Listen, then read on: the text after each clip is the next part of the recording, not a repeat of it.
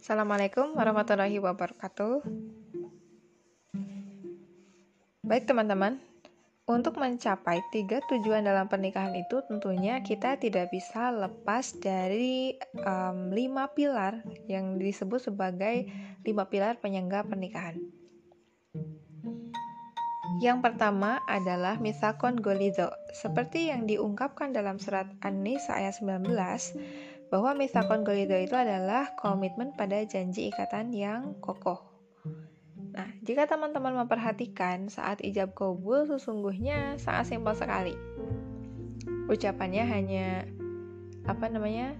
dari ayahnya gitu kan saya nikahkan kamu dengan putri saya yang bernama Ab siapa dan mas kawin apa kemudian oleh suami dikatakan saya terima nikahnya siapa binti siapa dengan mas kawin apa begitu hanya seperti itu saja kemudian disangka oh kayak sah seperti itu pernah gak sih kita berpikir bahwa loh kok hanya dengan kalimat kayak gitu aja gitu ya nikah itu sebenarnya gitu ya Nah, tapi meskipun kalimatnya itu simpel, sederhana seperti itu, tetapi itu sesungguhnya tanggung jawabnya sangat besar sekali di hadapan Allah. Nah, inilah yang disebut sebagai mitakon golito. Dengan ucapan seperti itu, dengan ijab kabul seperti itu, sesungguhnya ya seseorang begitu ya baik mempelai laki-laki ataupun perempuannya, dia itu sesungguhnya berjanji di hadapan Allah. Setelah ini saya akan berkomitmen setelah ini saya akan berjanji bahwa saya akan mendidik pasangan saya dengan baik, bahwa saya akan memperlakukan pasangan saya dengan baik, dan bahwa saya akan bersama-sama dengan pasangan saya meraih ridhonya Allah begitu. Nah, biasanya orang-orang itu memang terkadang hanya apa ya? Maksudnya tidak begitu memahami maksud dari ijab kubul itu seperti apa begitu. Dan meskipun yang mengucapkan itu adalah suami, tetapi pada hakikatnya ijab kabul itu juga mengikat pada istri begitu. Jadi yang berjanji kepada Allah di sana bukan hanya pihak suami melainkan juga pihak istrinya. Nah, itulah yang disebut sebagai misa kongolido atau e, ikatan janji yang sangat kuat begitu. Kemudian pilar yang kedua adalah zawaj yang seperti disebutkan dalam Al-Baqarah ayat 187 Zawaj ini artinya adalah berpasang-pasangan atau saling-salingan. Nah, yang namanya berpasangan pasti tentu tidak akan sama antara pihak yang satu dengan pihak yang kedua.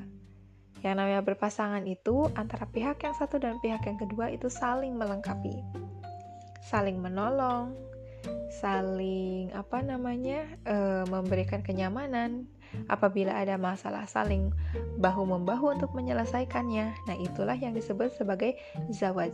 Sehingga misalnya dalam pernikahan itu tidak bisa kita uh, segala sesuatunya pengen sama dengan kita gitu. Tetapi kita memang harus memahami konsep zawaj ini. Artinya ada sebuah kesalingan. Kalau misalnya uh, pihak suaminya bekerja, yang berarti yang mengerjakan pekerjaan rumah adalah istrinya. Begitu pula sebaliknya, kalau istrinya bekerja, kemudian suami juga bisa mengerjakan pekerjaan rumah. Hak asuh anak misalnya, itu bukan hanya menjadi tanggung jawab istri, tetapi juga itu menjadi pekerjaan suami juga. Nah inilah yang disebut sebagai zawaj atau pilar yang kedua. Kemudian pilar yang ketiga adalah tarodin, yang artinya adalah saling ikhlas dan saling rela. Seperti yang disebutkan oleh Al-Baqarah ayat 233, Tardin di sini sangat penting karena um, apa namanya untuk bisa mencapai tiga tujuan pernikahan tersebut baik istri ataupun suami harus ikhlas dan rela menerima pasangannya masing-masing. Ikhlas dan rela di sini bukan hanya menerima kekurangan tetapi juga menerima kelebihan. Dan tentu saja ini biasanya terkadang berat ya begitu. Tetapi apabila memang sudah ikhlas, pasti semuanya akan berjalan dengan baik. Salah satu tantangannya adalah soal budaya. Misalnya, budaya yang mengatakan bahwa yang bekerja itu adalah suami, sementara istri itu hanya di rumah saja. Nah, apabila kondisinya terbalik, misalnya istri tersebut memiliki kesempatan kerja yang lebih luas daripada suaminya, kemudian suaminya itu harus tinggal di rumah mengurusi kebutuhan rumah, mengurusi anak begitu. Nah, di sini uh, tentu akan menjadi berat untuk menerima secara ikhlas dan ridho tersebut. Karena stigma dari masyarakat atau dari tetangga biasanya menyebutkan bahwa suami tersebut kok jelek seperti itu gitu. Padahal sesungguhnya dalam Islam hal itu diperbolehkan saja begitu. Selama eh, apa namanya? hal tersebut itu memang diridoi dan disifati ikhlas oleh kedua belah pihak. Jadi pihak istri dan pihak suami sama-sama menerima bahwa yang bekerja adalah istrinya, sementara suaminya mengurusi pekerjaan domestik.